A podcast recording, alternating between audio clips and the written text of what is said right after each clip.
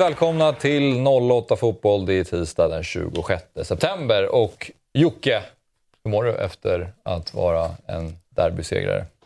alla känslor på en gång. Lättnad, men det var faktiskt... Det var inte bara lättnad när de vann. Det var fan med eufori också. Det var, det var, lättnaden kom sen. Lättnaden kom typ en minut efter avblåsning, men under, under matchen var det fortfarande puls, även fast man väntade på att nervositeten skulle komma. Snart kommer forceringen, liksom, mm. och då kommer jag få hålla i mig här. Så det gick en del snus inne på läktaren.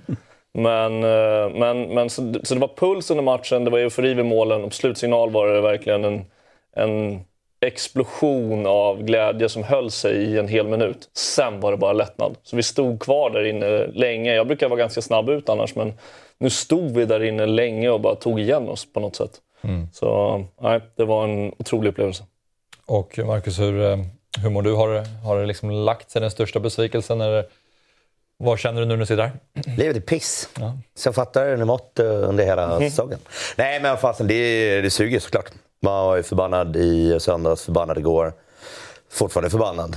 En könlös insats. Det var, eller var en insats, det var, var väl ingenting. Mm. Så jag vet inte heller hur du kunde vara nervös under matchen. För, det, för egen del så kändes det som att vi har inte suck. Det händer ju ingenting. Vi spelar inte ens. Vi inte ja, men man var nervös för man väntade på att snart kommer de korrigera det här. Snart kommer de att skruva på det som behöver skruvas på och då kommer vi liksom få, få hålla i oss lite grann. Och snart kommer då Djurgården kommer få någon chans, kanske skjuter stolpen. Då ser man att AIK-spelarna börjar få ångest. Att man känner, fan ska vi tappa det här nu? Ska det vara en sån säsong där allting skiter sig jämt? Men eftersom det aldrig kom så var det att man bara kollade på klockan hela tiden och bara, fan är det redan 75? Är det redan liksom så? Det var, det var otroligt märkligt. Ledningar i derbyn tror jag vi alla kan enas om att då... Klockan går sakta i vanliga fall. Men här var det som att de aldrig skruvade ner tempot på klockan. Den bara tickade på hela tiden. Mm. Nej, vi ska verkligen gå in på detalj eh, på, på derbyt. Men Jompa, var, hur, du satt på en bar och såg det mm. med en, en del andra bajare. Hur gick snacket eh, mellan er? Mm, nej, men det var, det var, eftersom vi fortfarande har chansen på Djurgården så, så var det ju det var inte sura miner när AIK gjorde mål. Och tvåan är ju dessutom rätt snygg, den kunde man ju liksom lyfta på hatten åt och sådär. Så, så det, var, det var trevligt. Men skadeglädjen mot Djurgården liksom kom ju in där så att det, det, det var en trevlig tillställning. Mm. Men eh, vi ska ringa upp eh, derbyhjälten då. Jan Janis Pittas heter han eh, nu alldeles strax. Men innan dess så tänkte vi att vi ska ta det som, hade, det som skedde innan derbyt. Då. Och det var ju lite snack kring, eh, som vi har pratat om i den här studion tidigare, stökigheterna, hur man ska få ihop det mellan ja, men dels arrangemanget att eh, supporten ska ta sig på ett säkert sätt till arenan och ja, men friktionen mellan polisen framförallt och supporterna.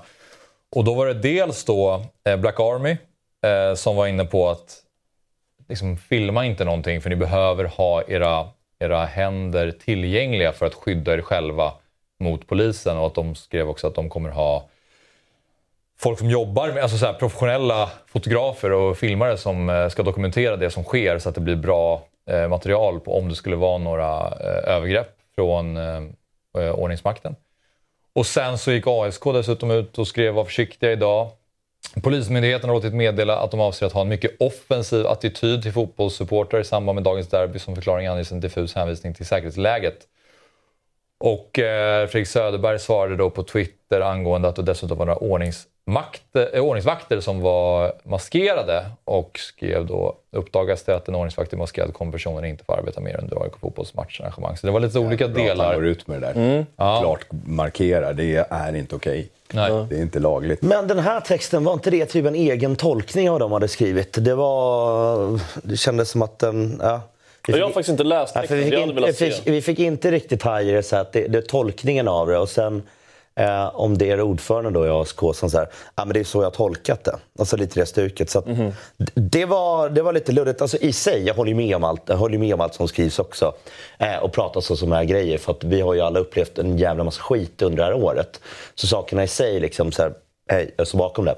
Men ja, det, den, den var lite diffus. Det var som att man, man drog en liten egen tolkning och bara gick på att ah, men det tar vi på det här sättet för det, det är säkert så de menar ändå. Så att, ah, den, den, ja, den kan behöva tittas lite extra på, just den rackaren. Men överlag liksom. Men hey. Menar du att det ändå kan skapa ytterligare Ja, lite, lite, lite mer det. Att, så här, om det inte var det som stod riktigt, så här, då, då kanske vi kastar lite, lite väl mycket eld på Även om, om jag vet inte om det går att kasta mer eld för det har fan varit, varit piss på senaste. Men det kanske kunde varit lite mer åt det farligare hållet. Mm. Vilket kanske inte behövs. Men, eh, men överlag så säger hej ja, jag är med på noterna. Ja, och det som Black Army skriver är också anmärkningsvärt. Att eh, filma ingenting för att vi måste vara beredda att skydda er själva. Då vet man att, att det har gått ganska långt. Mm. Ja, eh, det, det, är väl Först och främst tror jag man måste konstatera att liksom det, jag köper inte riktigt ännu in i narrativet att så här, det är bara oskyldiga supportrar som drabbas. Det finns ofta säkert någon form av provokation åt, åt bägge håll, tror jag. så. Men det är alltid ett misslyckande av en ordningsmakt om det är så att liksom medborgare gång på gång på gång kommer till skada. Då har man liksom misslyckats med det förebyggande arbetet. Man ska ju se till att det inte uppstår situationer där någon kommer till skada. Sen är övervåldet en helt separat diskussion. Det, liksom, det ska inte kunna ske whatsoever. Det ska aldrig hända att man slår någon med batong i huvudet. Någonsin, oavsett vad som händer i situationen, ska, det ska inte utdelas några batongslag mot huvudet. Um, så att hur man än vänder och vrider på det, absolut att jag tror inte att de supportrarna är helt oskyldiga i det här. Men den stora diskussionen är ändå hur kan polisen ha tappat greppet på det sätt som gör att vi gång på gång hamnar i sådana här situationer. Mm. Eh, de har ett, ett, ett våldsmonopol i det här läget som aldrig någonsin får missbrukas. Hur provokativ folkmassan än är så ska man inte kunna hamna där. Mm. Eh, så det är viktigt också tycker jag att vi i den här studien inte sitter och pratar om att det är aldrig så att supportrarna gör någonting eller provocerande eller sånt. Det har florerat en del klippa det också. Så, så där behöver man ju se sig själv i spegeln. Att om inte de klarar av att vara storsinta så måste vi klara av att vara storsinta. Men hur man än vänder och vrider på det ska det inte kunna komma till att folk kommer till skada på det här sättet Nej. och får slag mot huvudet. Det är fullständigt oacceptabelt. Sen var det ju mer grejer. Alltså det hände ju saker efter matchen. Ja. En mm. djurgårdare som skjuter med elpistol. Okej, okay, det har jag missat. Och det, ja, det har inte jag heller sett. Eh, nej, men det, så var det i alla fall. Eh, okay. Så skjuter med elpistol, ramlar, slår huvudet i marken. Eh, fick åka till sjukhuset. Liksom, det är inte han som ramlar ner för trappan? Eh, det kan vara en följd av det. Det var, ju, det var ju en del ja. diskussion på Twitter om ja. att det var en AIK-supporter Ja, det var borta i den trappan där ja. ordningsvakterna står. Nej, inte den. Ja, okay. Nej, utan det här är liksom så här, samtidigt... Eh, Eh, i folkvimlet efter, efteråt. Så någonting har ju skett. Den här killen ska fly från dem. De väljer att dra elpistol på honom så att han faller handlöst och liksom slår, skallen i, slår skallen i backen så pass illa att det verkligen var åka in till sjukhuset för att opereras. Mm. Um, okay. Det är första gången jag ser någon dra vapen som inte är batong och eh, OC-spray Eh, jag var inte på plats och såg den, utan det fick jag se på Twitter och sånt efteråt och fått höra lite stories kring det, så att jag har inte all, all info om det. Men det har dragits en, ändå en elpistol och skjutits på en, en person där. Vilket mm. är första gången jag har hört det i Sverige runt fotboll i alla fall. Ja. Jag visste inte att de hade det idag som standard? De har, jag vet inte om alla har det, men vanlig puffra har de ju i stort sett hela tiden på sig. Men eh, det var en grej som skedde efteråt, så han fick ju åka in till sjukhuset mm. och eh, SLO-erna liksom försökte få upp lite information och, och man fick ju knapphändigt typ att ja, han är kontaktbar i alla fall och det blir operation för, för honom imorgon. Så att, eh, eh ner, slår i huvudet, tungan liksom fastnar i, i halsen som Djurgårdens supporter får springa dit och liksom hjälpa honom eh, att göra. Fast det är polis runt om så är det en, en supporter som får, som får fixa det. Så att, eh, saker hände ändå. Ja, verkligen. Men vad, är, vad, vad, ser ni för lösning på det här? Alltså hur ska man, för nu känns det verkligen som att det blir mer och mer upptrissat för varje derby eller stormatch som, som sker. Hur ska man försöka få det att ta ner den här... Ja, men det vi pratade om för, förra gången efter matchen, just här, dialogen. Det, ofta är det ju mm. bara tyst. Mm. Ofta är det nävar och det möts som supporter bemöts du ganska hårt från början utan att det sägs någonting heller. Att så här, vi kommer göra si eller vi kommer göra så. Men det är en ganska aggressiv ton också från andra. Om, den spikar ju på någonstans, eh, spikar ju någonstans upp det hela också. Mm. Om man ser att alla står med full riot gear, helt tokredo redan från början också. Mm. Måste vi ha rånarluvor? Måste vi ha liksom hjälmarna på? Måste alla stå och se helt jävla adrenalinstinna ut från början? Några kommer flippa på det. Mm. Eh, andra kommer tycka det är lite läskigt och vissa kommer inte bry sig allting. Men jag får känslan av att det, de känns så jävla redo hela tiden också. Ja, steg ett, steg backar upp det på något vänster. Steg ett nu känns som att nu behöver man liksom på något sätt kyla av hela mm. situationen. För just nu är det så att i princip många supportrar går dit, ser poliser på långt håll och känner att det där är någon form av fiende. Mm. Typ liksom så. Det, det, det, har gått så pass långt nu. Mm. Det, det är ingen bra situation att börja i. Så steg ett skulle vara att man behöver kyla av det på något sätt. Jag tror Marcus har helt rätt i att det är någon form av dialog. Sen i exakt vilket forum eller vilken form vet jag inte. Men kanske att man tar sig tid att träffa de olika supportfalangerna. Att det kommer några representanter från polisen till deras medlemslokaler. Sätter sig ner och pratar med dem. Liksom så. Kanske också att, att den här... Uh, att det fan snart krävs att någon kanske också blir dömd. Liksom att man visar att det faktiskt får konsekvenser när det händer sådana här saker. För idag litar supportrar knappt på rättssystemet när det är en polis Nej. som är åtalad för någonting. Många andra heller kan jag säga. Det, börjar, det växer bland vanliga människor också. Så, så de två ser jag som en början på någonting. För att jag tror inte att supportrarna känner just nu att vi, vi måste vara först ut med att vara storsinta här. Utan man vill nog se något, något första mm. steg från polisen först. Sen därefter tror jag att man kan hjälpa till och coacha varandra i att så här, men, gå inte dit och provocera nu, du har druckit för många bärs. Lägg ner det där. Mm. Men vi kommer inte dit förrän, förrän det tas ett första steg från polisens sida att visa att vi, vi vill er, er väl. Ja. Liksom. Ja. Kunde ju läsa lite om vart vissa poliser har, har placerats nu när de kanske inte riktigt är i tjänst på samma sätt. Att de som har varit i de här grupperna som de plockat bort, eh, vad kallar de då, ROG-gruppen. Mm. Eh, de har flyttat bort sådana personer och de får vara eh, lärare också för andra aspiranter och poliser kanske inte är det bästa om man är, om man är bortplockad. Det har varit lite olika gräv så det, det har stått lite, lite här, här varstans. Um, ja, jag har också sett det. Men när man, plock, man plockar bort en, en avdelning och poliser för att de liksom inte uppfyller kraven och de gör fel saker och sen sätter man in dem liksom bland aspiranterna på skolan. Ja, men ni ska utbilda folk. Ja, vad ska de få för utbildning då? De får ju såklart samma jävla skit också. Mm. Vilket är ju det sista stället de ska vara på.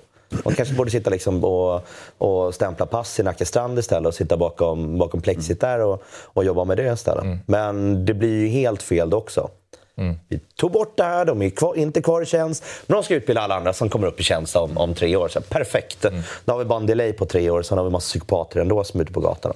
Mm. Ja, för, för, för, jag måste också säga det. det. Från polisens sida måste man nog känna också att ett så här, en så här pass uppdämd stämning kommer leda till att någon kommer till skada. Huruvida det är en eller skada på riktigt, att det slutar illa. Huruvida det är en supporter eller en polis går just nu inte att spekulera Det känns som att det är mer sannolikt att det är en supporter. Men det kan fan lika gärna vara en polis som snart blir ihjälslagen. För att det är så uppdämd stämning just nu.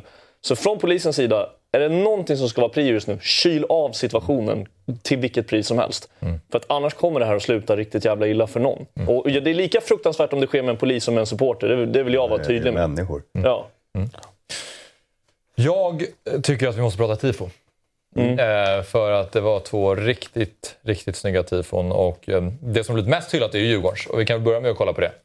Som eh, såg ut så här då. Och, ehm, jag kan säga så här, jag, jag, satt, jag sitter på, på Västra och sitter alltså ganska nära Djurgården härskar där. Och då såg man inte den vänstra delen, vilket var det där, så bra. Mm. Så då såg det inte så mäktigt ut. Men sen har man sett den här bilden och sen från, framförallt från östra Exakt. läktaren när man ser hur liksom, apan kommer i förgrunden på ett helt annat sätt.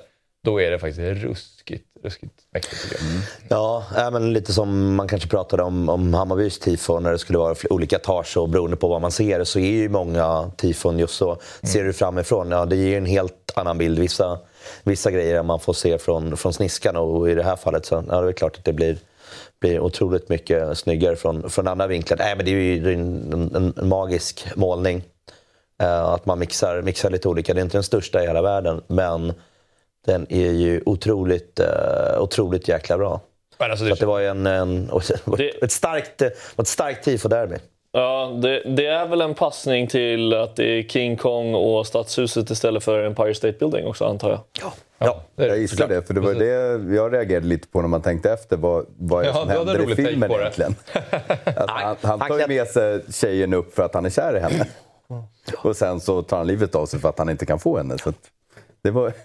Ja, precis. Tar man ett steg vidare så har det varit lite roligt tyckte jag. Den är skitsnygg, eh, själva bilden. Drar någon koppling till då att matchen ser ut som den gjorde sen också då i och med det? Att liksom... ja, det här ska vara ganska tidigt, men var den så här, att han var ju kär i, i den där. Ja, liksom. men det förklarar sen Djurgårdarnas insats på planen. Ja, exakt. Precis. Så apan vill ju egentligen skydda råttan här menar du? Ja, men precis. Eh, som kanske inte är ja, Fortfarande lite svårt att landa i att man har omfamnat den här apgrejen som ju varit ett eh, ganska liksom, illa menat hån mot eh, Djurgårdssupportrarna. Så har man liksom anammat det. Att ja, men vi är apor. Det, det, det är fortfarande lite svårt att landa i det. Men är det någon apa man ska välja så är det väl King Kong antar jag. Vad säger du om apanamningen? an anammandet? Vi är apor liksom. Ja, jag vet, jag vet inte var, Det är ju apor, när det började. var- Jag vet inte var jag landat i, i det riktigt. Men uh, Ja, det låter ungefär som jag. då. ja, ett jävla tifo i alla fall. Ja, men, det, eh, är en- det är enda positiva att jag ta kan med sig säga från den här att det dagen. här är nog kanske eh, topp tre snyggaste tifon jag har sett Djurgården göra. Så att det, det ska de ha För det är ju många som håller det här som liksom det snyggaste någonsin i svensk fotboll. Alltså det känns som att många har hyllat det här till skyarna. Är, ni, är, ni, är det där ni är? Eller vad, Nej, vad, vad? där är inte jag. Nej. Jag vet inte, som, sen vet jag inte, jag har ju mest bara sett stillbilderna. Jag missade början på matchen, men mycket mer... Där ser jag att det börjar puttra och så. Bara, liksom, vad hände mer efter det här? Var det någon fler steg eller? Nej, men det är framförallt från den andra vinkeln som tifot är grymt. Ja, det är det som är. I början så är det ju bara flaggor och arken och sen när den väl är uppe efter ett tag, ja, men det är då, då börjar liksom röken och allt, eh, allt komma därefter. Då. Så att det, det, blir, det är ju steg två i det hela då. Än allting väl Det är är ju uppe. Nej, men den är, ja, Det men är den är, Marcus? Fantastiska bilder. ja, men det är ett av våra bättre definitivt. Sen kanske jag har andra favoriter av andra anledningar för att det kanske var första gången man gjorde något jättestort eller liknande. Eh, men det är, nej, men det är otroligt snyggt. Det är ett av våra absolut bästa. Oh, ja. Topp tre. För att målningen i sig är ju också den känns så detaljerad och ja, verkligen. Ja, men den, det, det är den är dessutom. klockren. Den är hundraprocentig. Det är ett konstverk alltså. ja. Sen så är en liten rolig, man bara, som, eller en, kanske var Gnagare som la ut det, men klämde in ett N där mellan KA. Det Ja, var lite roligt. Ja. Ja, Robin Berglund från Det kommer ju Fotbollsmorgon. efteråt. Ja, precis. Eh, vi har med oss Ioannis Pittas på länk som ju gjorde två mål i det här derbyt och såg till att AIK vann matchen. Eh, Ioannis, eh, welcome to 08 Fotboll. Hello, hello, nice to be here. Uh, just to begin with, how was it to to score the the decisive goal to uh, make sure AIK won the derby?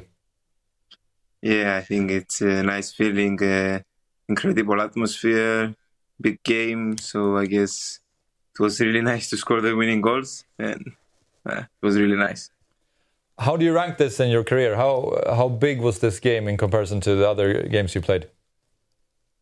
Yeah, I mean, uh, I played some big games in the past, but I think uh, we never have these uh, kind of games in Cyprus. We don't have these numbers at the pitch, and we don't have these kind of stadiums. So I guess uh, for sure is one of the greatest game in my career, and for sure I will uh, remember it for a while. Yeah, and like just just the atmosphere in the stadium. How how much did you enjoy that? Yeah, I mean, it was an incredible atmosphere. I think uh, every player uh, is dreaming to play in such a big game, such an atmosphere. So for me, it was uh, a very nice feeling, and that's uh, what a footballer, footballer, I think, always is searching for. How uh, how did you celebrate with the team? Yeah, I mean, uh, we went out for food, we had some uh, drinks, and we celebrated well. How uh, how late did you celebrate? I don't know how late everyone celebrated, but for sure, I mean, after midnight. Yeah. um, you've scored uh, five goals so far uh, at uh, at. How um, how would you summarize your first time in the club? I mean, generally, I think I'm uh, I adapted uh, fast to the club, and I am trying to give my best as soon as possible. And I think that's the reason the team signed me because they need help in this year because we are not in the best uh, shape, and I think I'm to, I'm doing uh, quite well. Because uh, the Derby game, uh, a lot of people thought that Djurgården were not really up to the level of the standard they can play. Uh, how what was your game plan for the game against uh, Djurgården? What did you talk about before the game in the dressing room? Yeah, for sure. If you watch the standings and everything, for sure you can uh, think that the Djurgården is in a better shape, and maybe right now they are uh, more confident. But we knew how a derby is, and we prepared for a derby, for a fight. And I think whoever was in the pitch on uh, the ga- uh, yesterday on uh, Sunday, I think knew uh, watched that one team was in the pitch. I think we like dominated 90 minutes. I can't remember a chance from uh, the opponent team, and I think we took a very deserved win. What did you talk about just tactically against uh, Djurgården before the game? What did you uh, What did Henning say? Yeah, and he tried to boost it up and try to tell us that we know we are good players, we have a good team, we need to trust ourselves and uh, like play free. We did what he said. We followed up some weaknesses that uh, Yucatan had, and I think uh, everyone saw that in the pitch. Mm. It, it looked like you had more more options in the attacking play now with you, Dino, and then Bersant on the left side, and then Abdi Hakin and Anton on central midfield. There were so many options all the time. It didn't matter who had the ball. There was always somebody available. You running deep and Dino coming to get the ball, etc. Can you talk a little bit about the chemistry that you guys get when when we have that kind of formation that we had in the derby? Yeah, I mean uh, that's the plan uh, for one player to run deep and for one player to like uh, drop a little bit. And I think uh, we had uh, quite uh, big spaces due also to the opponents' maybe mistakes, but I think we performed well. everyone was confident, and you and you could see that on the ball, on the possession, on the passes. I think everyone was like secured and confident that we will make the correct thing, we will make the correct move, and everything and uh, I think I cannot find any player who was not in a good uh, shape on the game, and I think that's the most important. I mean, when you have 11 players uh, competing and being uh, in a very high level, I don't think something can go wrong. Because mm. you, when you came to AIK, you knew the situation. It's uh, it was it's been a, a tough season for AIK. Um, how would you describe the atmosphere in the dressing room now uh, in comparison to when you came? Because there are a lot of new players, and you've won a few games now since you arrived. Yeah, like I said it before that uh, from the day one I'm here, I found something good here. Uh, I, and imagine the team was not in a good shape. So I said it like I can't imagine how this team will be if they are competing for a league or for a title. So we are in a difficult situation since day one. And I said that uh, to build confidence and to build something great in the team, we need some wins. And I think now it's the first time we have two wins in a row. So from the day I'm here, at least. So I think we are in the right way. You can see this in the dressing room. You can see this spirit also out in the game. You could see how everyone was celebrating in the end of the match. How big win was it? How important was for everyone? And I think this is the right way. And I think we are fine right now, and we are we are gonna keep building on this. So I think uh, right now, I think the conf- the confidence is uh, good, and I wish we can continue in the same way. Yeah, because the there's always been a lot of talk in the, the, the psychology of the derby that uh, there's a derby ghost that the Djurgården has a problem winning against AIK in general the last couple of years. Did you know that, and did you feel that you could use that on the pitch?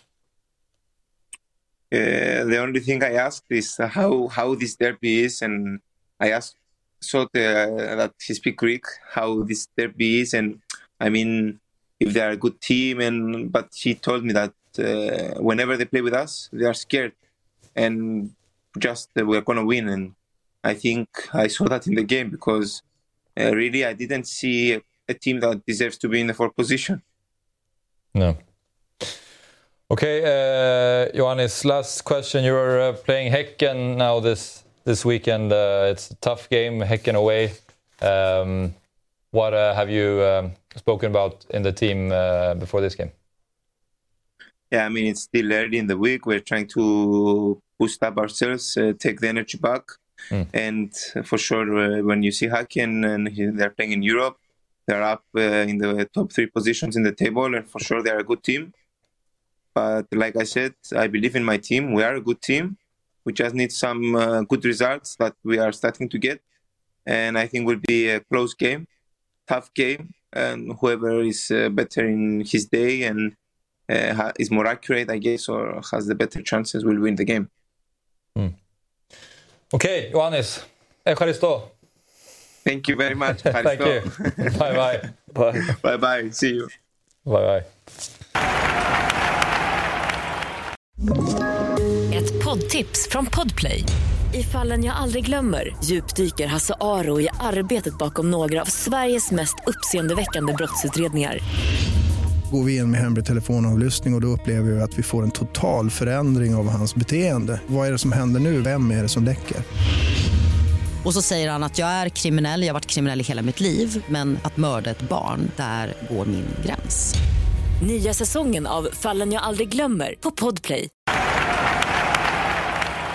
Du har varit mycket på Sakintos och sånt där? Visst, jag kan mitt tack på grekiska.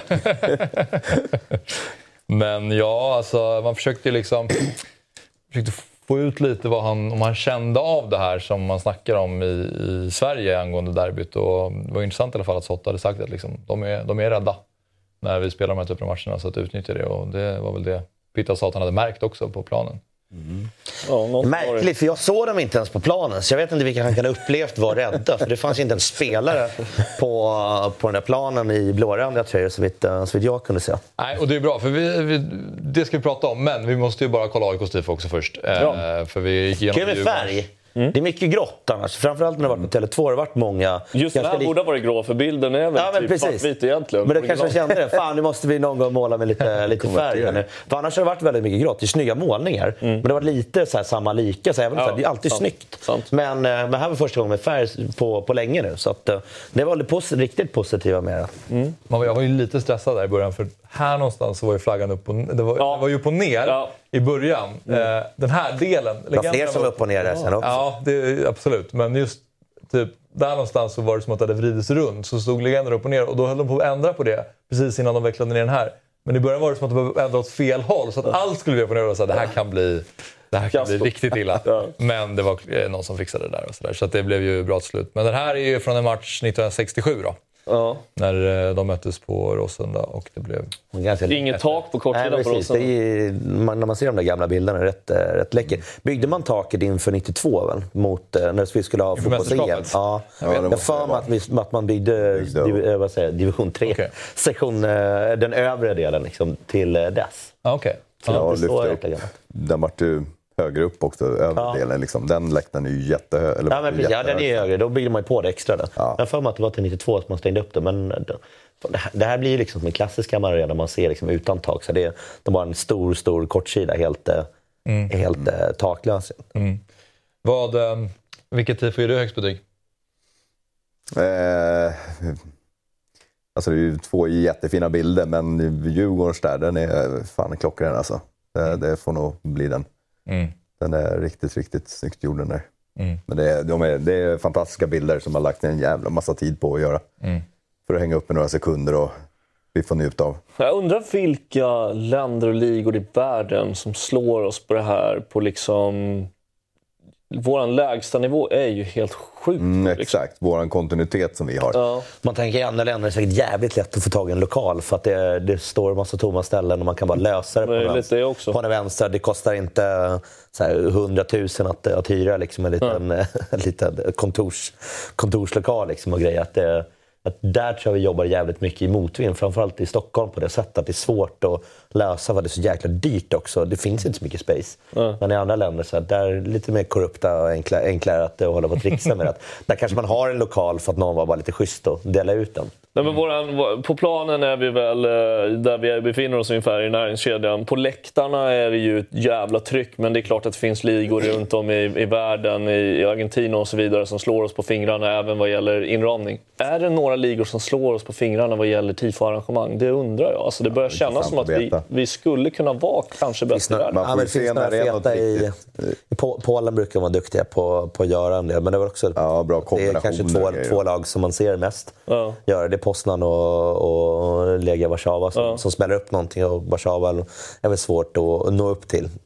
De ser ganska Vi är lika inte så långt efter. de ser då. ganska lika ut eh, hela tiden det de gör. De brukar ha någonting som går högt upp i mitten och ner och så gör man bengaler runt om. Så att där är det relativt mycket samma lika, även om de har varit väldigt innovativa.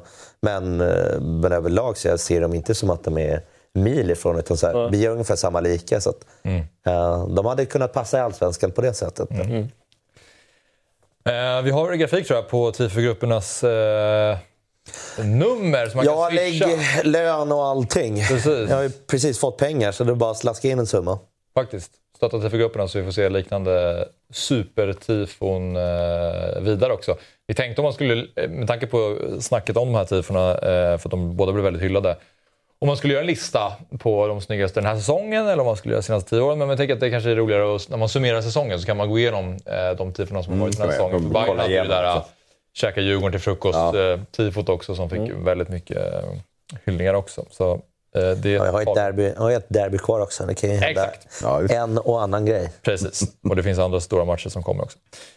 Men mer om matchen, Marcus. Jag måste bara fråga dig, liksom, som du har varit inne på, du såg inga spelare. Det här var ju taf, mest tafatta man har sett. Det var den absolut sämsta derbyinsatsen jag har sett Djurgårdens IF göra i mitt liv. Mm. Det pratar- skriver jag under på. Vi pratar om 33 år av eh, fotboll. Jag har ju såklart inte sett varenda match sen, eh, sen jag var liten. Fabbe har ju säkert sett dem som spelades 90 när jag föddes, men jag har inte sett dem i alla fall. Men, eh, och kanske vi inte hade några derbyn just, just de åren heller.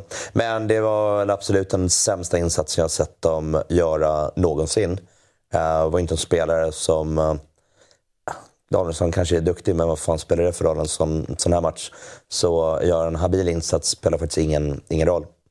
Ehm, det var det absolut sämsta jag har sett. Och när vi någonstans kliver in från skaplig insats mot Värnamo, men förlorar den på, på, något, eh, på något märkligt vänster och vi är mycket, mycket bättre lag, till att gå in och göra absolut ingenting i en sån här match där det betyder allt. Och vi kan sätta oss i en otroligt bra sits. Vi kan sätta AIK i en ännu sämre sits så att det fanns vinna åt alla olika håll. En, en vinst skulle betyda eh, både i toppstriden och i, i bottenstriden. Men det här är verkligen ingenting. Så att, eh, väldigt, väldigt, väldigt, väldigt många spelare som kan eh, få kolla sig i spegeln och fundera om de ska befinna sig här nästa år eller ens kanske den här veckan. För att nu ville man ju bara skeppa och eh, sparka varenda jävel i magen i stort sett för att det var uselt. Mm. När du ser det här derbyt och tidigare derbyn mellan AIK och Djurgården, framförallt på Friends, ser, du- ser du ett derbyspöke då? Ser du liksom att. Den här går ju så långt ifrån många andra matcher. Ja. Det har ju varit så många situationer förra året. Var det då Schüller fick eh, röda kortet? Och så. Där, fanns det, ju- där fanns det tillfällen som man säger, okej, ja, då fick väl Stefan Elli också trött. Så, så här, nu är vi tillbaka in, men vi nyttjar det inte. Så det här var ju en helt egen, en helt egen skola. Sen har jag ju sett att vi har ju lägen, och, och både tabellmässigt och formmässigt och sånt också. Eh, och jag kom in med ganska gott mod till den här matchen och tyckte att så här, det, det här ska vi ta. Det blir max ett, ett kryss om, om AIK kämpar, kämpar på bra, men jag såg inte att det här skulle vara scenariot, för vi spelade ju inte ens. Så att AIK gör ju inte världens bästa match. De gör, en, de gör en bra match, men de är ju också mil ifrån hur bra vi är. Så det ser också ut som att ni är världens bästa lag Ja. under den här fighten. De behövde ju inte vara mycket bättre än det heller, så varför springa, varför springa sig trött i onödan och slösa massa energi? Man kan spara den till en, en svår match borta mot, eh, borta mot Häcken då på, nu, i, nu i helgen, men det behövs ju inte mer än... eh, Det var ju det var inte skolpojkar heller, för de hade nog faktiskt sprungit och jagat lite boll. Ehm, den här sticker ut Ja. åt alla håll, så jag kan inte jämföra det med, med någonting annat som har varit. Och där har det varit många scenarion. Man har kommit som jätteunderdog, man har kommit som favorit och, ja, och sen har det blivit kryss eller bara inte, inte gått vägen. Liksom. Men nej, det här är det absolut sämsta jag sett. För du var ju på träningen också igår, Yes. eh, dagen efter derbyt. Vad eh, fick du för känsla från den träningen? Ah, alltså egentligen ingenting. Man var ju där för att prata av sig med, med lite folk som också dök upp så man fick eh, lite terapi för att sitta och prata det här på jobbet när alla frågar hur läget hur har helgen varit så svarar man ju liksom så här bara, ja men då svarar man ju bara lite enkelt och säger, ja men det var, var, var okej och sen försöker man gå vidare lite snabbt där för att liksom inte landa in i någonting. Så här, var det inte någon match? Jo det var hockey i fredags som vi var och kollade på. Vi vann den liksom. Och sen var det lite bira efter så att man fick ju ta lite snåriga vägar så när klockan började ticka liksom när vid 10.30 någonstans. Så att, jag bokar den där volten och så sticker jag nu. Liksom. Så jag måste vara bort härifrån och få prata lite skit. Och, ja, Träningarna är som det är. Så det är sällan kul att gå på en träning. Det är kul att stå och prata med folket. Där. På sommaren är det kul, det är soligt och man har det lite trevligt eh, när man står där och babblar lite och kanske får se ett nyförvärv bara för att få en bild på det. Men alltså efter matchträning så är de flesta uppe i gymmet. Alla som har spelat länge är ju där och kör, kör lite rehabsgrejer och sen är liksom reserverna och alla bänkisar de är ner och tränar. Det var ju så det såg ut den här träningen också, så det var ju bara allmänt allmänt tyst. Så här. Ja. Det var inte så många som sa någonting. Bosse kom fram liksom hälsade på, på, på alla som var där. Så vad var vi? Ett, ett 18, 18 pers ungefär som stod där och, och kikade. Man stod och babblade lite och sen undrade man ju någonstans att varför inte lagkaptenen bara ner och kanske säger hej eller tittar läget efter en sån här usel prestation så kanske man kan skjuta på gymmet med 10 minuter för att kolla läget lite. Så här. Hur ser det ut där nere? Liksom, är det dålig stämning? Är det bra stämning? Är det mycket folk? Är det lite folk? Vilka finns där? Någonstans bara visa liksom, ja, det här var piss. Vi, ehm, vi tar igen det på, på lördag. Liksom. Så här, tack för att ni är här. Hej, hej. Vi hade väl inte tänkt göra någonting annat, vi som stod där. Utan de flesta var ju bara kan vi få se någonting eller någon höra bara säga liksom, fan vi sög, det här var, det här var uselt. Så var det mer det folk var ute efter. Så det fanns ju inte när, någon tillstymmelse till att det skulle vara något kvartssamtal eller att varenda gruppering stod där och, och tryckte här. Det var långt, långt, långt ifrån det. Utan det var ju mer bara några tappra själar som tagit sig dit och undrade vad fan gjorde ni? Ja. Nej, men det, det, som, det som slog mig var att det kändes, det är fortfarande som att ingen riktigt har en förklaring på vad som hände. Kim Bergstrand efter matchen var också, det var det sämsta derbyt under min eh, period, kanske den sämsta matchen i Djurgården. Han var ju väldigt eh, kritisk, men hade inte heller någon analys av liksom vad det var som gick, gick fel. Han var inne på att AIK var väldigt bra, men eh, mer än kanske på ditt spår att det känns som att Djurgården gjorde så att AIK såg ganska bra ut. Det var ju Tolle också. Också inne på presskonferensen att AIK gjorde det väldigt bra. Ja. Båda de pekar på det. Jag, vill alltså, mer peka ska de ju peka på att det var totalt uselt. Ja, jag tycker ja. också det. För att om ni gör det bra och ja. vi gör det bra, då ska vi slå er den här säsongen. Ja. För att vi har varit överlag ett bättre lag. Så det ska man inte peka på. Så ja, vi ska kunna ta AIK om de ser bra ut. Är AIK svinbra, då får vi det kämpigt. Mm. Då får vi verkligen jobba för, för en seger. Men vi ska gå in och slå ett 2023 års bra AIK ska vi kunna sopa. Mm. Så tryck mer på att det var dåligt. Och det har ju, det har ju ställt mig bakom och hyllat mer. Man säger så här, vi var skitdåliga.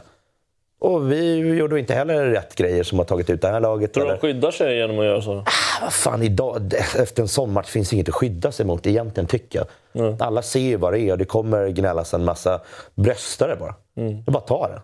Jag har inte svarat vad som är fel, men bevisligen så var allt fel. Vi måste ha gjort saker fel spelarna har, var inte uppe i nivå ändå. Så även om vi ger dem fel instruktioner så kan de visa någonting. Men det fick man inte heller. Så äh, där kan man få bjuda till lite. För Mange sa väl någonting i stil med att ni hade det mesta i andra halvlek också. När han, han gjorde en snabb analys och bara, ah, men andra så gick det lite bättre. Vi hade det mesta typ. Och så Det var ju ja, det är många som har fastnat vid. Ja. Eh, och, så att det, han kanske alltså, inte heller... Han försöker hitta någon jävla positiv spin Samma där. där. Säg att det bara är piss, ja. livet suger, jag vill hänga mig själv när jag åker hem, duschar. Så är jag inne på gymmet imorgon och kör. Det är fan ovärdigt att han försöker hitta någon slags vinkel, att vi reser oss i andra halvlek eller något sånt. Det håller inte faktiskt. Inte när man gör noll mål och har noll skott på bollen. Ena skottet Nej, och har 0,20 liksom XG på 90 minuter. Då, då, kan man inte prata om att vi kommer upp lite bättre i nivå i andra halvlek. Det håller ju inte. Nej.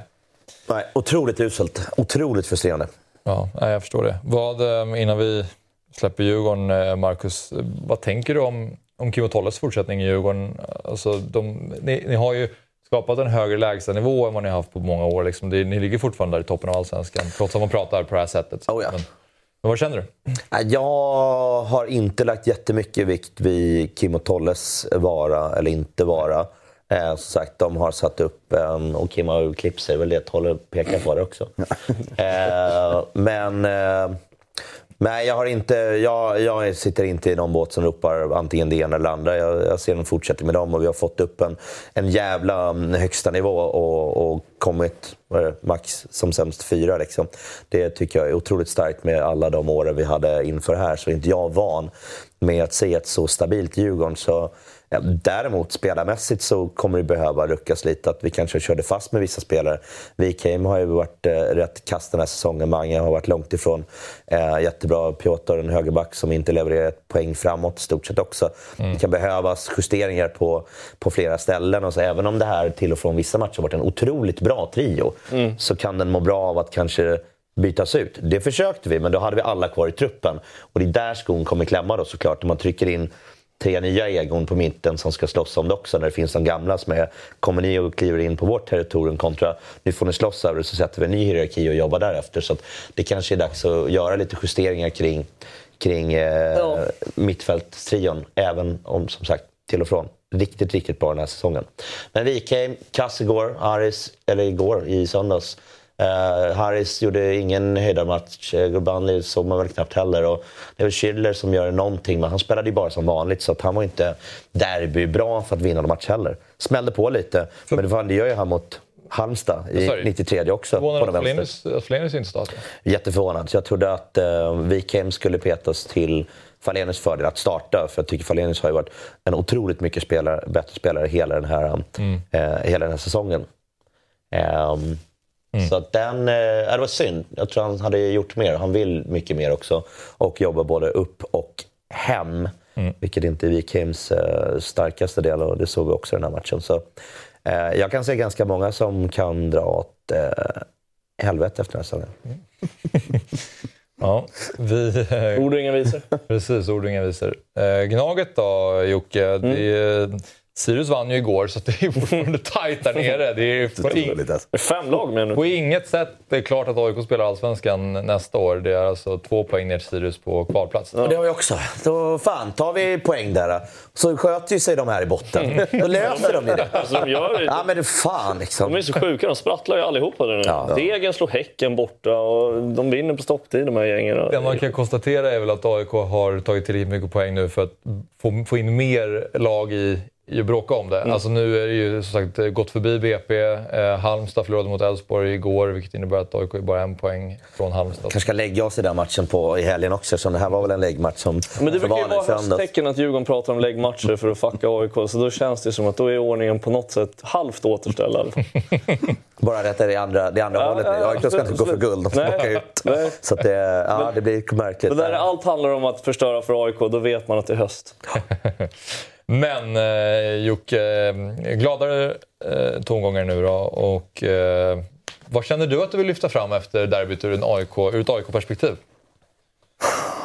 Ja, först och främst måste man ju konstatera att eh, liksom, det är någonting intressant som händer när AIK och Djurgården går in på en fotbollsplan samtidigt. Det är ju, det är ju någonting som sker. Alltså, det börjar ju bli omöjligt att bortse ifrån att det är det pratas om mjukglass och så vidare. Det här var väl milkshake snarare. Det var verkligen helt sjukt att se hur de krymper när AIK går och ställer sig på planen där. Och man, re, man sträcker på sig då när det är 40 000 där inne på vår ganska stora arena och man ser att det är ett lag som står där med bröstet utåt och ett lag som bara vill därifrån när, när, när matchen går igång. Så man, man känner ju en jävla auktoritet och stolthet när man står där inne. Att det kan se ut hur fan det vill i tabellen men till slut så är vi alltid störst på något sätt. Det, det, det, man, man får... Att tuppkammen växer och det är huvudet högt och ryggen rak när de här derbyna kommer. Och det gör ju att man är, man är förbannat stolt. eh, Och det, det, det är skönt att den stoltheten är tillbaka för det har varit en liksom hemsk säsong på många sätt. Um, så det, det är det första man liksom slås av. Sen finns det mycket säkert som är liksom taktiskt och sådär som är, som är bra. Men uh, det första är väl liksom just att derbyn mot Hammarby är, finns inte det fenomenet riktigt. Uh, utan det, det är något, och det, det var faktiskt till och med så att man hade lite känslan inför att att man är så pass van vid att vinna de här matcherna nu att man var tvungen att påminna sig själv om att de ligger långt för oss i tabellen. Liksom, kom ihåg det nu. Det, det är fortfarande så att de har vunnit mycket mer matcher än vad vi har gjort den här säsongen. Vi har varit ett lag som har hackat, men man har någon sjuk självförtroende ändå när man går dit. Um, det, är väl, det är väl den ja, stora. Men eh, Thomas Berntsens intåg nu känns det som att vissa spelare börjar ta plats och vara viktiga för AIK. Mm. Selina har ju sett eh, bra ut, gjorde ett bra derby i alla fall. Mm. Tyckosen kanske har börjat sluta ligga bakom baklängesmål. Mm. Pittas gör mål Mm. eh, och så vidare. Så det, även där kanske det finns lite hopp om att det är en bra sportchef. Det, det är verkligen den känslan jag får av Thomas Berntsen generellt. Det, det känns som att det kanske är en av de sakerna som har brustit i AIK under, under många av de åren jag har varit supporter. Att man inte riktigt har haft den där supporten som är... Om AIK är en av de tre största klubbarna i Skandinavien eller något sånt så har vi inte kanske alltid haft en sportchef som är topp tre i Skandinavien. Mm. Medan Djurgården har haft Bosse som ju är liksom, kanske GOAT på något sätt i, i allsvenska sammanhang. Och jag tycker Jansson gjorde det riktigt jävla bra med Hammarby och tog Hammarby in på en nivå där de inte, fanns, inte befann sig innan. Har vi nu hittat en, en sportchef som är topp, topp, toppklass vad man kan ha i skandinavisk fotboll och har den publikbasen som vi har nu, då tror jag att kanske är det dags för AIK att realisera sin, sin potential nu. Som man inte riktigt har gjort. Man har vunnit något guld här och där, men sanningen är ju den att AIK faktiskt inte har realiserat sin potential hittills. Uh, och jag, jag, jag, tror faktiskt och hoppas att kanske är Thomas Berntsen den pusselbiten som har saknats. Mm. Först måste de bara spela Allsvenskan nästa år. Ja, så allting handlar om att säkra upp det här ja. kontraktet. Men inför nästa år känns mycket som känns spännande. Och det finns en, en stor talang i forwardsled där också som jag tror många vill se få, få chansen som skulle kunna generera en, en bra affär också. Så det finns mycket om man vågar lyfta blicken. Som supporter får man ju det, men jag hoppas att spelarna inte lyfter blicken så mycket ännu. Mm. Fotbollskanalens Andreas Sundberg tycker att Anton Saletros bör vara aktuell för landslaget. Säger du Jompa? Han är riktigt, riktigt, riktigt bra just nu. Spelar med ett jäkla självförtroende. Han har ju större plats att vara i landslaget än vad Nordfeldt har. Nu höll ju Nordfeldt nollan, han fick ju nollskott på sig också. men där har det varit mer att diskutera kanske. Att kanske inte varit så vass, men det här är i alla fall AIKs bästa spelare. Nordfeldt, det kom ju ett skott där i slutet av det var en, matchen. Jag, tror det var, jag, tror det var, jag tror det var mer en hemåtpass typ, känns Ja, det kanske det var. Han ramlade så långsamt han bara kunde. Ja. Um, ja, den här spelaren ja. är ju faktiskt... Uh, det är obegripligt att han spelar i, i AIK.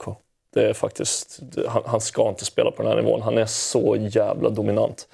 Man ser nu att de bara sätter upp bollen till honom. Hur många spelare han har runt sig på innermittfältet så ser man att backarna väljer helst att sätta upp den på honom och tänker bara att så här, han kommer att göra någonting av det här. Det ser inte ut som att det här är ett bra läge att spela in den centralt. En vanlig spelare spelar vi inte in på nu. Och sen så Anton bara tittar runt som en quarterback där och funderar, ska jag dra den bakom ytterbacken där borta på Modesto? Eller ska jag liksom skruva den runt ut på Selina? Eller ska jag bara knacka med Abdi Hakin här och vid väggar? Eller ska jag sätta den direkt i djupet på Pittas? Så alla, alla alternativen är konstant tillgängliga för honom. Mm, det, ser, det ser sjukt ut. Och så alla fasta situationer dessutom. Ja. Då. Det är, just nu är han ju sjukt komplett. Har han någonsin varit kallad till någon januari-turné eller något sånt? Ja, jag, kan jag tror inte det. Men jag kan inte... han var ju riktigt vass där för några år sedan också, men jag har ingen minne av något sånt. Nej. Mm. Ja, för Nej. inte liksom. Låt han testa. Det, är, det här landslaget gör ju ingen glad just nu. Nej. Nej. Ett poddtips från Podplay. I fallen jag aldrig glömmer djupdyker Hasse Aro i arbetet bakom några av Sveriges mest uppseendeväckande brottsutredningar går vi in med hemlig telefonavlyssning och, och då upplever vi att vi får en total förändring av hans beteende. Vad är det som händer nu? Vem är det som läcker? Och så säger han att jag är kriminell, jag har varit kriminell i hela mitt liv men att mörda ett barn, där går min gräns. Nya säsongen av Fallen jag aldrig glömmer på Podplay. Ska vi eh, kanske skicka upp, jag vet inte om vi kan göra det nu, men jag tänkte vi skulle prata tränaraktiekursen lite snabbt bara. Det är ju då den eh, kurs vi har där man ser hur eh, våra tränare står. Eh, och vi har en skala på 1 till 10. Mm. Och vi pratade lite om, för Henning Berg har ju stått på en 4 tror jag ganska länge här. Mm. Eh, och eh, jag tror han fick skutta upp till en femma. Vad tänker du om det Jocke? Ja, men man får ju såklart pluspoäng för att vinna derbyn generellt. Sen är det väl att man, man, man ser väl... Okej, okay, det är den gula linjen. Mm. Sen ser man väl kanske att vissa saker börjar sätta sig, att trenden är liksom helt okej, okay, men det är fortfarande lite ojämnt för att sätta ett högre betyg än sådär. Så jag tycker nog att vi är någonstans i, i ovisshet än så länge. Mm. Och Kim och Tolle eh, halkar ner från en sexa till en fyra. Här. Jag kommer behöva göra något. Jaha, jag trodde du skulle pipa.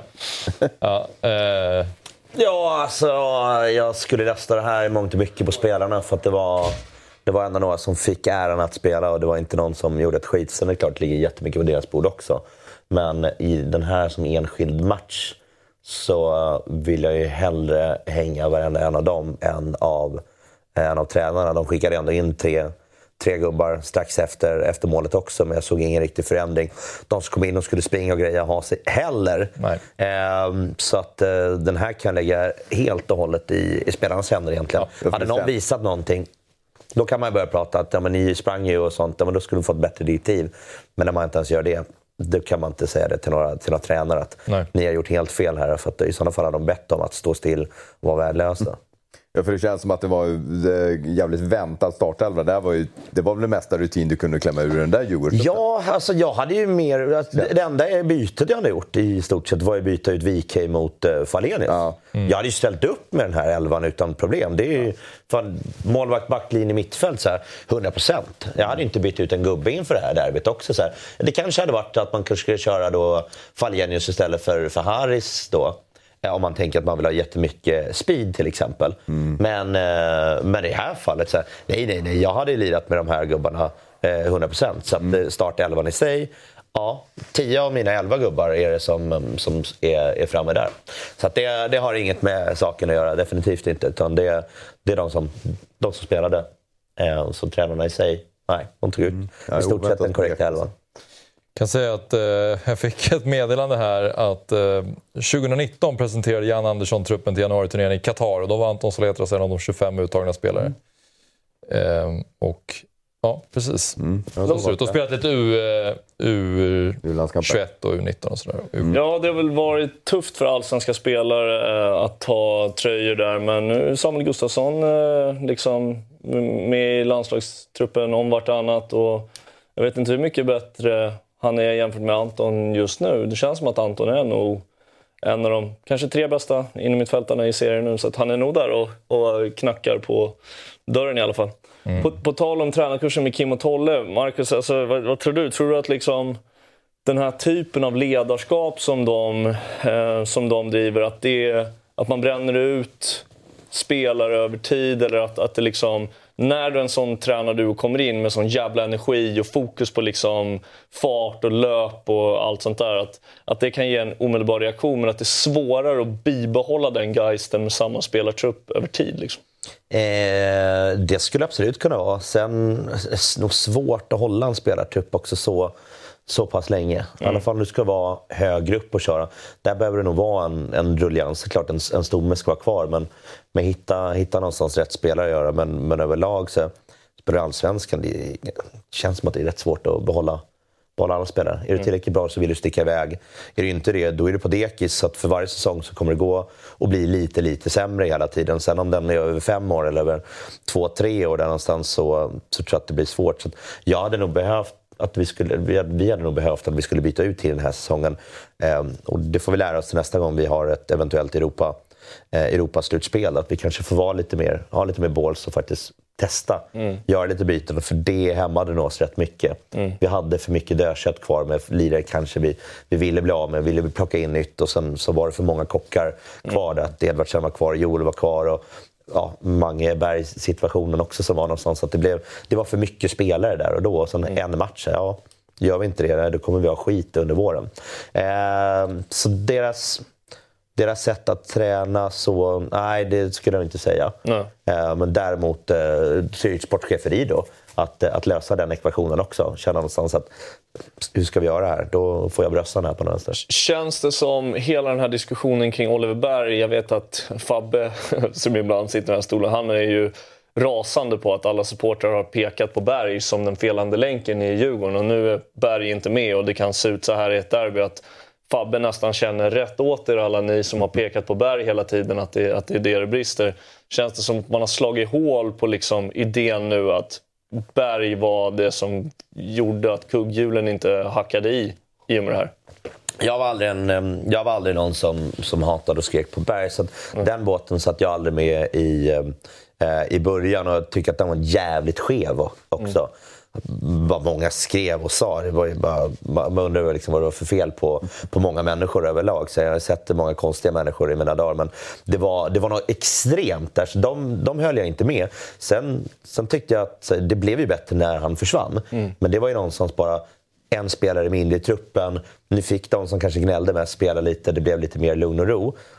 Um, det kanske varit andra spelare som skulle dragit istället om vi skulle haft kvar Berg. Att där finns en framtid att bygga på. Medan det andra som kanske är på väg neråt eller bortåt. En Fidel som jag har svårt att se att han spelar kvar i Djurgården nästa år. Och, och jag vet som sagt inte eh, vad om Mange ska vara en lagkapten eh, nästa år heller. Att man behöver göra byten, vi kan inte vara för länge. Så där skulle jag snarare säga att vi kanske gör en, en, en utrensning. Klassisk supporter att vilja peka på en individ som alltid är... Ja, och det är alltså, absolut inte där skon klämde. Då, kan jag peka, då skulle jag peka på de som kanske då var petade snarare. Varför är ni såna jävla barnrumpor och det ska pratas om att det, det är kul att det är konkurrens, men för alla så är det ju bara kul när det konkurreras på andra positioner och de kan sträva för att bli bättre men man själv vill stå så jäkla fri som möjligt. Så att, alla ljuger när de säger det såklart.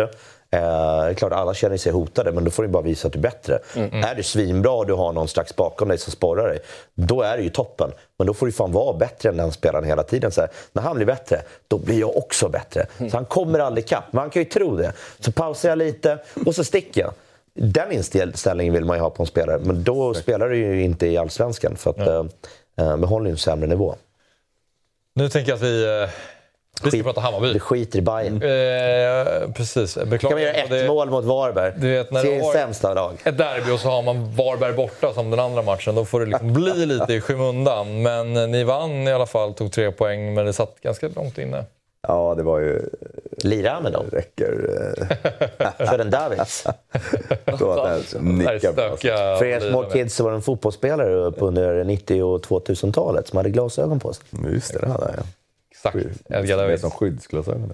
Men, men ja. Det var ju riktiga... Mm, mycket superettan-känsla över det här. Alltså, man möter ett lag nere på vischan som håller superettan-nivå just nu tung plan, vägrade vattna. Keepern gör sin årets match. Jag, jag är nöjd. Det är tre poäng. Det är allt det. Bara, bara skapa tillräckligt mycket. Ha, tror 23 avslut eller någonting. 0-3 hade varit helt normalt resultat där. Det tar ända till 80 när vi får in bolljäveln. det var otroligt frustrerande, men det, vi var liksom så pass överlägsna hela vägen så att det, det skulle bara ske. Ja, nej, det är faktiskt en bra poäng. Det kändes väldigt mycket superettan över den här matchen. Ja. Alltså jag satt och kollade Värnamo och Sirius igår och jag kände bara nästa år skrev jag till en kompis. Lova mig att jag inte behöver sitta och titta på fucking Värnamo och Sirius. för det här är så deppigt alltså. Man är van att se de här matcherna när vi ändå är där och så har mm. liksom våran klack lever om. När man var tvungen att se en sån där match när det var 20 Sirius-supportrar som skulle försöka bidra med stämning. Mm. Jag förstår att det är superettan-vibb över hela... Så, ja, det är inte jättespännande då faktiskt. Jag kan säga att om, om AIK hade varit i toppen och så hade du suttit och kollat på Halmstad-Elfsborg igår hade det inte varit jättemycket roligare heller. Den matchen var fan rätt deppig också på Örjansvall. Ja, kanske var så. Två ganska fina tifon dock. Men... Eh. Erabis mål är jävla starkt. Ja, det är ju... Alltså den där jäveln, han kommer ju... Han är gjord för större ligor. Han har Alltså det är ingen som tar bollen av honom. Nu, nu också. Han ställer sig ner i hörnet och får tre man mot sig. Han fäller ut sina armar och det är ingen jävel som tar bollen av honom. Och han gör... Han, han är en av få i Bayern som verkligen hela tiden jagar boll och, och verkligen rör på sig. Han, och han ser aldrig trött ut heller. Mm. Bayern höll lite för lågt tempo som vanligt. Det var det, matchen var inte speciellt rolig liksom. Men om vi är klart bättre så var det, det var fortfarande ett jävla duttande i backlinjen. Och en gång ställer sig Kultus med foten på bollen. Det ser ut som att allt är avblåst. Alla bara så här, vad väntar vi på nu? Det, ska, vi, ska vi hålla 0-0 eller? Så här? Det, det, den frustrationen. Men han är den enda som liksom verkligen bryter mot det. Han springer på allt, jagar på allt och den här nicken är ju... Det är ett jättebra inlägg av Besara, men nicken är ju, helt, det är ju världsklass alltså. Mm. Han har sån jävla känsla. Och då är han ju egentligen mycket bättre på fötterna, men han har gjort två riktigt bra mål, nickmål. Riktiga så här måltjus. Har ni sett målet? Nej. Ja. ja. Han, ja, men det är... han nickar exakt från straffpunkten. Han har en back där, men det, det är ingen som rår på. Det är nog inte så högt XG på det. Eh, den möjligheten att göra mål. För det är också en lyra som känns som en del snö på. Liksom, så man måste trycka till den ja. själv. Ja, okay. Och han nickar nästan med bakhuvudet. Ja, det är det som är det konstiga snarare. Att det känns snarare så att han liksom, ja. eh, nickar bakåt. Lite som borta mot Mjällby. Ja. Då kör han ju också en sån här. Och det blir perfekt. Och den dalar ju mot krysset. Keepern är där och snuddar den. För han, gjorde, han var skitbra deathslips. Men men eh, den går ändå in för att den är så jäkla välplacerad. En, en sån båge liksom upp i krysset på en konstig halv det, det, det känns kanske lite flyt i det någonting, att han lyckas styra den just att den går i krysset. Men det är liksom, estetiskt är det ju snyggt. Att ja, ja, ja, precis. Styrkan i att styra den ditåt är ju imponerande. Han har ju nog den typ jävligaste fysiken man har sett på en forward i Allsvenskan tror jag. Alltså, han, är ju bara, han har ju bara fått fötts med någon genetik som är helt sjuk. Jag tycker man ser på den här bilden också, man bara tittar på liksom... Underarmarna är lika stora som biceps. Exakt, exakt. Han ser ju ut som en jävla brottare. Bultande ja. halsen. ja. Har ändå smidigheten. Liksom. Det är Lidberg som är tränare fortfarande, fysen. Det, det, här måste, vara det här måste vara medfött, för det här kan man inte liksom bara träna sig till in i gymmet. Han måste ha välsignats med en jävla grundfysik från början, sen tränar Ja, det måste på. han ha. Men när vi, när vi åkte till Malaga i januari så hajade man till lite på ett jävlar. Han, då hade han nog kört rätt hårt där. Mm. Det känns som att han i vintras eh, man märkte skillnad. Men det är klart han alltid har varit liksom, han har ju aldrig varit någon jävla spinkis. Det har han inte varit. Och ändå har han smidigheten och farten liksom och ha, hade något annat läge också i matchen. Så det, han... Jag tycker Bayern ska sälja honom i vinter, för jag är inte säker på att han... Eh, men jag, på riktigt, jag är inte säker på att han gör en lika bra vår. För att jag tycker fortfarande, de matcherna jag ser av honom så fortfarande lite begränsad spelare med den här spetsegenskapen med sin fysik. Och just nu så känns det som att det bara stämmer för honom. Nu går bollen in. Ni pratar om att det här målet är lite, till och med lite tur, men den går in i kryss och sådär. Jag tror att Bayern gör rätt i att casha in på honom nu för att... Sen kanske jag blir motbevisad så gör han åtta mål under våren och så är han värd ännu mer. Men min känsla är att han är en sån här spelare som just nu är i zonen. Saker och ting går rätt för honom. Då borde man kapitalisera, tycker jag. Mm. Så hade jag tänkt om jag var Hammarby sportchef. Ja, vi diskuterade sådana saker i Bajen-podden igår. Men det, allt är ju som alltid, liksom. allting har ju ett pris. Mm. Eh, Jukanovic så vi ju, skrattade vi bort ett bud på 30 miljoner till exempel. Mm.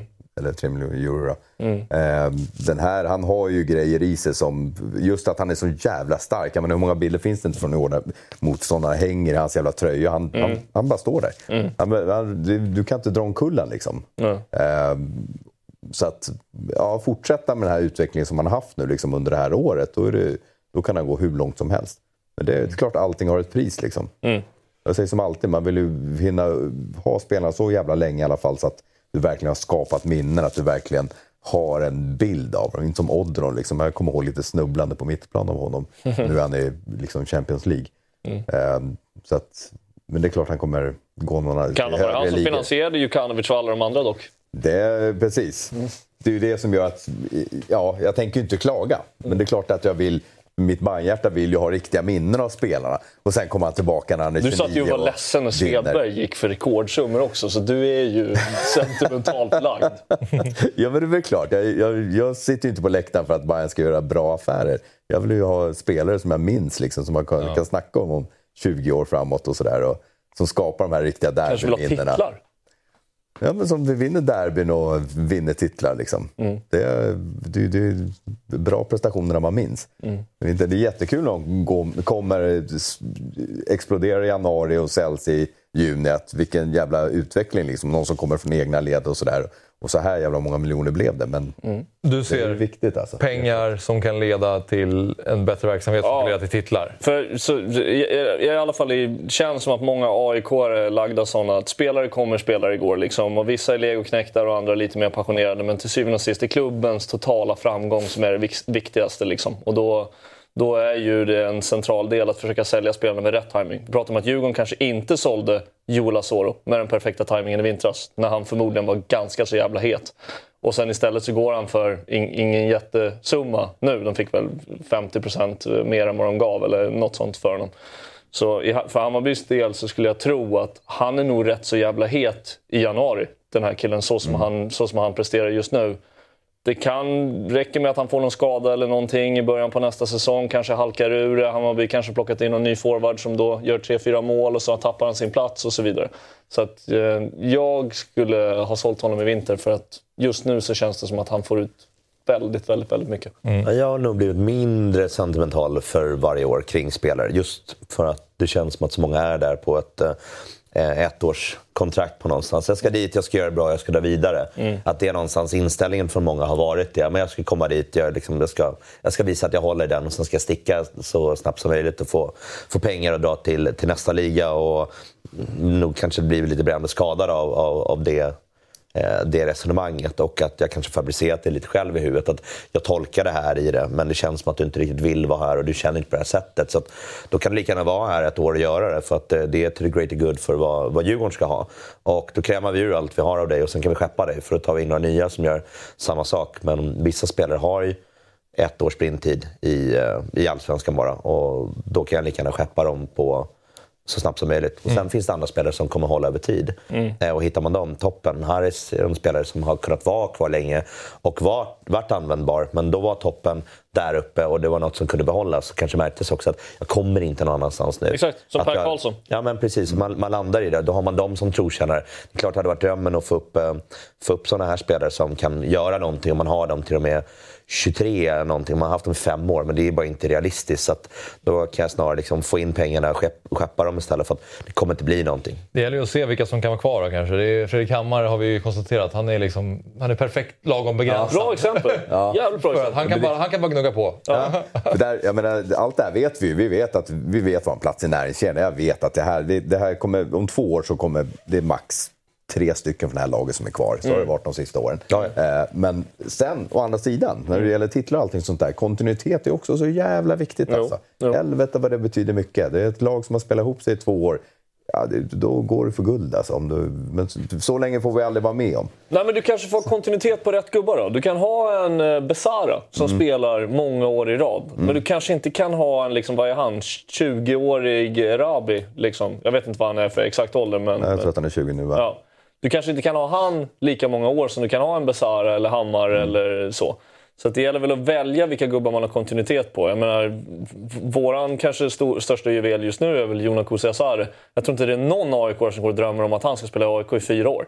Han ska ju spela AIK i liksom 6-12 månader och sen ska, vi, sen, sen, sen ska vi ha bud på honom.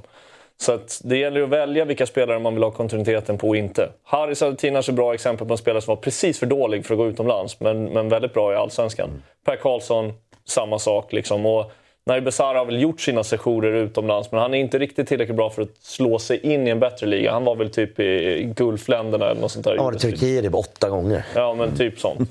Ehm, så att, Det är det han har kvar också. Det kan ju bli en vända till. Gör han det bra igen så står ju några där. Liksom. Vi ska inte ha, ska inte ha några fler lirare. ja. Men eh, jag tänkte om vi bara skickar upp Bayerns 11. Eh, lite eh, kort om vi har den. Men eh, då hade vi ju eh, den här elvan. Marcus Karlsson var tillbaka och hade ett bra läge för att göra mål. blev inget den här gången. Men, Han sprang upp och ner. Han var väldigt mycket... Vi låg ju... Till och med Fenger har ju avslut som går precis över ribban. Alltså vi låg ju i konstant press mot det här laget. Men det går lite för sakta. Det är lite, det är lite, lite uddlöst liksom. Men vi ska göra tre mål om allting faller ut. Djukanovic har väl fyra av, tre eller fyra avslut. Bara två är riktigt bra. Eh, han, ska starta, på- han ska inte starta, det är det vi konstaterat. Ja, nej, precis. precis. Han ska bara hoppa in. Eh, och Simon Strand hade väl någon känning. Så det var väl lite Okej. därför Karlsson får eh, platsen tror jag. Annars tror jag nog Simon har varit kvar. Så nu Pinjas istället för eh, Ajay då. Det var väl de enda ändringarna jämfört med matchen innan. Men vi skickar upp tabellen tycker jag. För nu är det så att Bayern är endast två poäng bakom Djurgården. i Jakten på den där fjärde platsen. Väldigt lik Och, eh, målskillnad också. 34, 34. 34. Precis. Um, jag har, det skiljer bara att eh, Du har alltså Sirius gjort mer mål än oss tack vare den här jävla 7 målsegern. ni har... Men hade ni gjort mer än ett i alla fall hade det varit klart. Ja, Ja. faktiskt. Det är väldigt liknande säsong som Djurgården nu egentligen. Djurgården har en mer seger och ett mer kryss. Annars är det ju väldigt mycket som...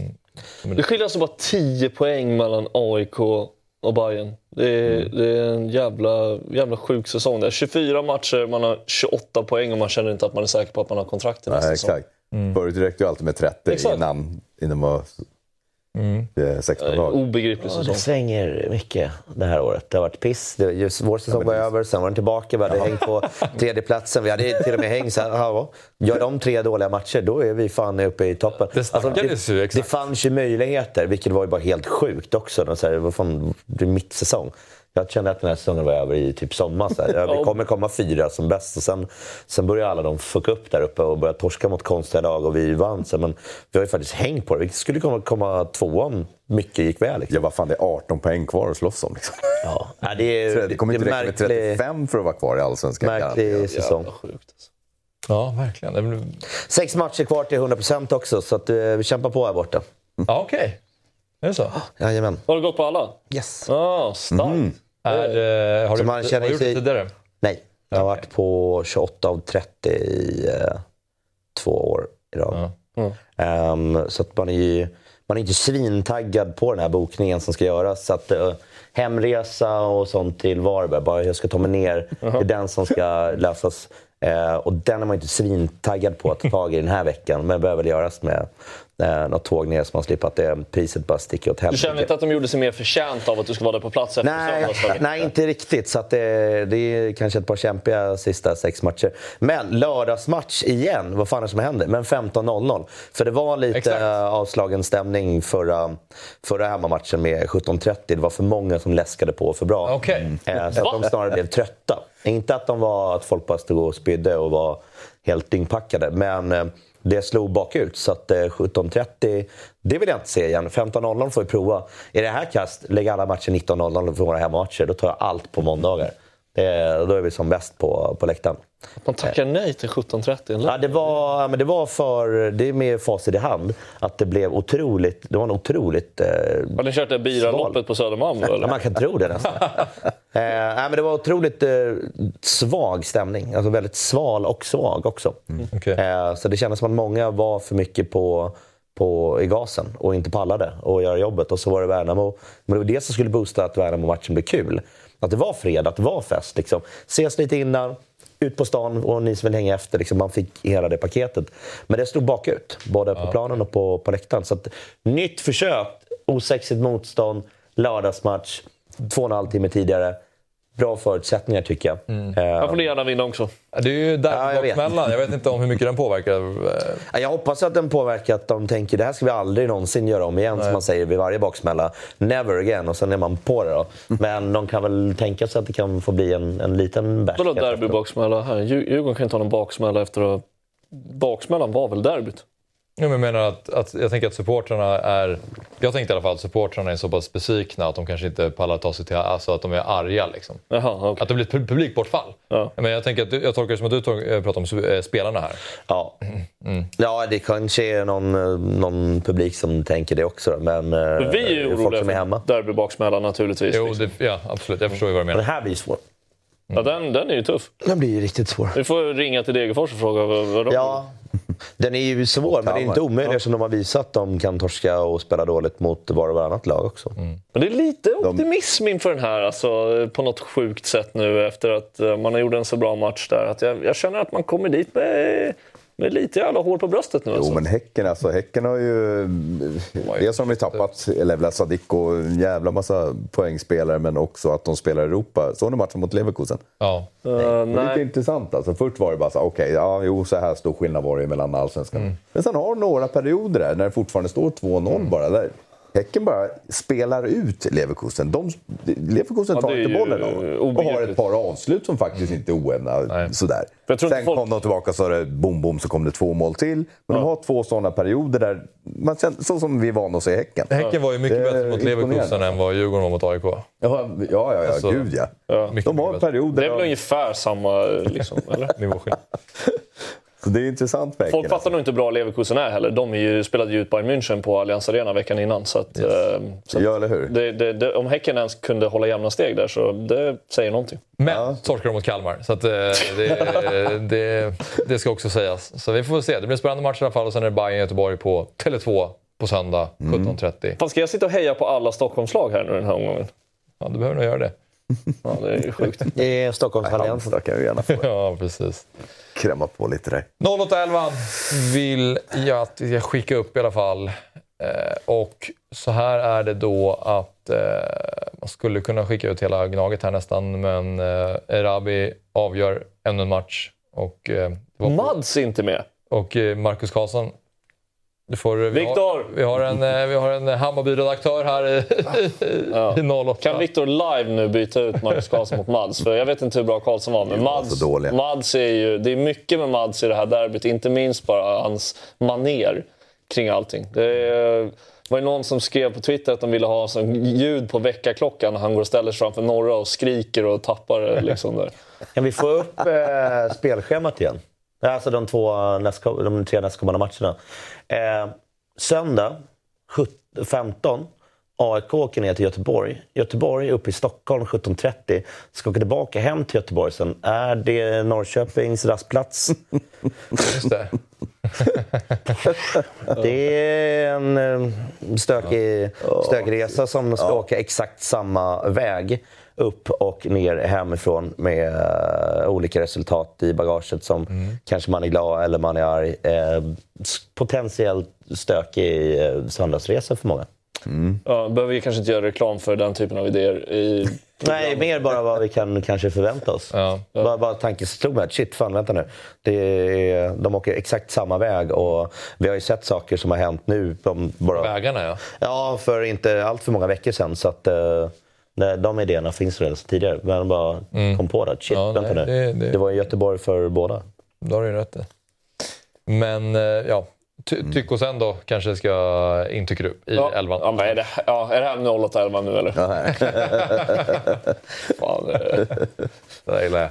Redaktionen är Nej, men Mads. Mads Tykosen gör ju en otrolig match även fotbollsmässigt. Jag tycker hans överlappande där ute. Han har ju varit lite... Det var ömsom vin, ömsom vatten med honom i, i feedbacken han har fått från supportrar. Han gör en jävla kanonmatch här. Plöjer på sin kant hela tiden. Det var väl Samuel Dahl som hade full huggning där ute med honom och Modesto. Så att, eh, utan ens ha sett Karlsson så hade jag nog velat, velat slänga in Mads där. Bra. Ja, där. Vi, ehm, vi säger så, nya tag. Eh, det var väl trevligt, eller vad säger du Jocke? Ja, nej, men Fabbe har ju suttit i den här studion och pratat om att hela, allt den här säsongen handlar om att AIK ska åka ur och han är så jävla nervös inför alla AIK-matcher och så vidare. Så att, eh, jag förstår att han sjukanmälde sig idag och skickade in Marcus i studion, att han inte vill sitta här efter, efter den här kölhållningen. Just det hade vi ändå bestämt förra veckan, så där kan jag rädda Fabbe. Sen kan Fabbe få skit för lite andra saker. eh, det ska jag ta upp med honom där ute. Okej, spännande. Ja. Nej, men du gjorde i alla fall en, en rakryggad insats i 08-stolen efter ett derby får man säga. Det, ja. Det hade varit fint att sitta med Mest av, rakryggade Djurgården de senaste 72 timmarna. ja, precis. kanske. Det hade varit fint att sitta i en kanske matchtröja från just söndagen och visa att eh, det är andra som ska ha den på sig. Ja, precis. Så är det. Eh, tack till alla som har tittat idag. Vi är tillbaka med ett nytt 08 Fotboll nästa vecka.